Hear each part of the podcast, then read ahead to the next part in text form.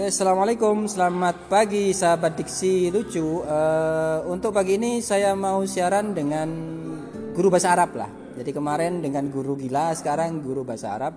Eh, saya perkenalkan beliau namanya Pak Mufarid Ilham. Selamat pagi Pak. Assalamualaikum. Eh, apa ya saat pandemi ini apa sih bedanya Pak ngajar dulu sama sekarang? Sekarang bedanya yang paling mendasar ialah kita tidak bisa bertatap muka langsung dengan murid sehingga tidak tidak bisa mengutarakan apa yang mungkin tidak didapati murid ketika belajar di kelas dengan yang kita lakukan ketika sekarang sering pembelajaran daring. Oke, terima kasih. Eh, Bapak lebih nyaman mana kalau saya suruh apa ya? Saya, saya minta milih lah. Dulu atau sekarang? Jelas lebih nyaman dulu.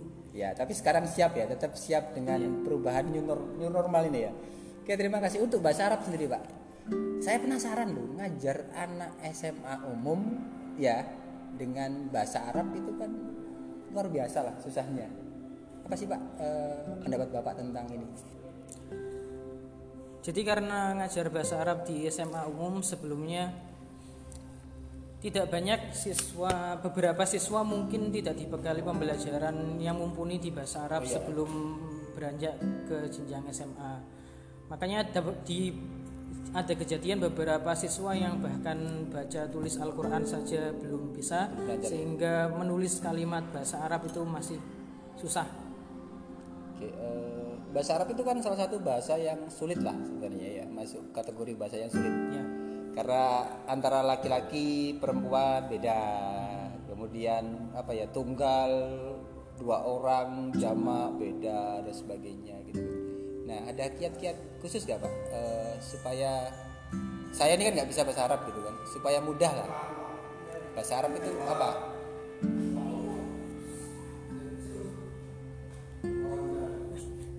Jadi kita tetapkan target saja dulu. Jadi untuk saya kalau misalnya memang kalau misalnya mau menjadi expert di pelajaran bahasa Arab itu susah. Hanya saja kita jadi kita perlu menetapkan target untuk bisa menguasai, menguasai di bidang tertentu. Misalnya untuk menguasai di muhadasah atau speaking dalam bahasa Arab itu nanti treatmentnya berbeda dengan kita ingin menguasai kiroah atau menguasai terjemah dalam bahasa Arab.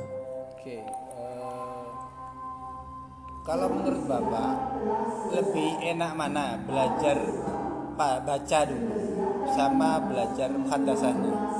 Itu sebaiknya itu kalau saya punya anak kecil gitu mana yang dulu dulu kan? Kalau untuk setingkat madrasah ibtidaiyah diajari dulu tentang percakapan itu akan lebih mudah di benak mereka untuk menangkap daripada mem- mempelajari bahasa Arab yang tekstual seperti tata bahasanya Tata bahasa itu belakang-belakangan aja ya. belakangan-belakangan saja. Sementara di Indonesia itu kan umumnya tata bahasa dulu, bener ya? Ya, Dan ada nggak upaya Bapak untuk mengubah ini tadi pakem yang umum di Indonesia supaya fokus ke speakingnya dulu, ngomongnya dulu, supaya nggak gagap istilahnya saat ngomong. Jadi sebenar, sebenarnya ada beberapa materi dasar yang harus yang harus dipelajari siswa terlebih dahulu untuk lebih mudah bercakap-cakap dalam bahasa Arab. Misalnya siswa harus lebih dulu bisa membedakan mana itu kalimat benda, kata benda, isim, fiil dan huruf terlebih dahulu.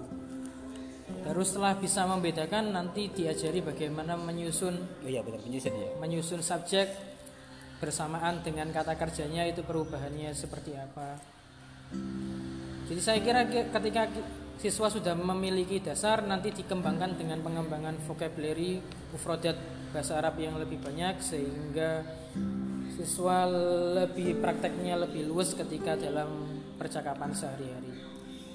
Eh, terakhir Pak eh, untuk pembelajaran di rumah atau PJJ lah, supaya siswa itu meskipun tanpa pendampingan guru secara full ya kan, supaya mereka tetap bisa meningkatkan kemampuan berbahasa Arab. Apakah nonton film bahasa Arab atau seperti apa dan seterusnya gitu mungkin ada bapak saran ke orang tua umum lah yang ingin anaknya bisa bahasa Arab Jadi se- semasa pandemi ini karena kebanyakan siswa menghabiskan waktunya di rumah, saya kira pembelajaran bahasa Arab dengan menonton video itu juga sudah sangat efektif. Tapi untuk untuk membiasakan diri menonton film dengan berbahasa Arab itu saya kira masih sangat susah karena bahasa Arab umumnya yang diajarkan di sekolahan itu bahasa Arab yang tekstual bukan bahasa Arab. pasaran ya? Bukan uh, bukan bahasa Arab. Seperti percakapan sehari-hari digunakan. Sehingga kalau misalnya memang targetnya untuk mempelajari bahasa Arab yang teks berarti lebih banyak belajar tentang kaidahnya. Kalau untuk mempelajari muhadasahnya maka lebih banyak percakapan mempelajari kosakata baru dan mencari video-video pembelajaran tentang muhadasah. Ya saya pikir itu menarik sekali. Jadi pagi ini beda kan, Eh, bahasa Arab lah. Jadi kalau saya pikir semua orang itu harus bisa bahasa Arab. Karena bahasa Arab sekarang sudah mulai sangat populer, digunakan di banyak negara dan negara-negara kaya itu kan nanam investasinya kan, ya jadi sangat duniawi juga selain apa ya urusan kematian dan sebagainya gitu kan bahasa Arab kan ternyata di dunia ini juga sangat berguna sekali. Saya harap eh, percakapan ini eh, me- menginspirasi orang tua untuk apa ya? Selain bahasa Inggris, selain bahasa Korea ya, dan bahasa Mandarin, bahasa Arab itu juga sangat-sangat penting. Dan juga mungkin jika pengen mondokin anak ya kan, ke pesantren itu kan juga salah satu usaha untuk membuat anak bisa bahasa Arab, bener kan Pak? Betul.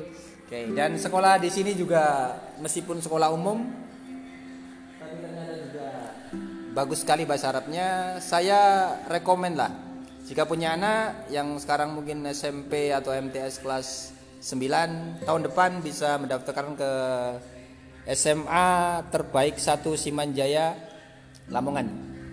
Terima kasih Pak Mufarjil Ham. Kita ketemu di episode selanjutnya. Terima kasih. Assalamualaikum. Waalaikumsalam.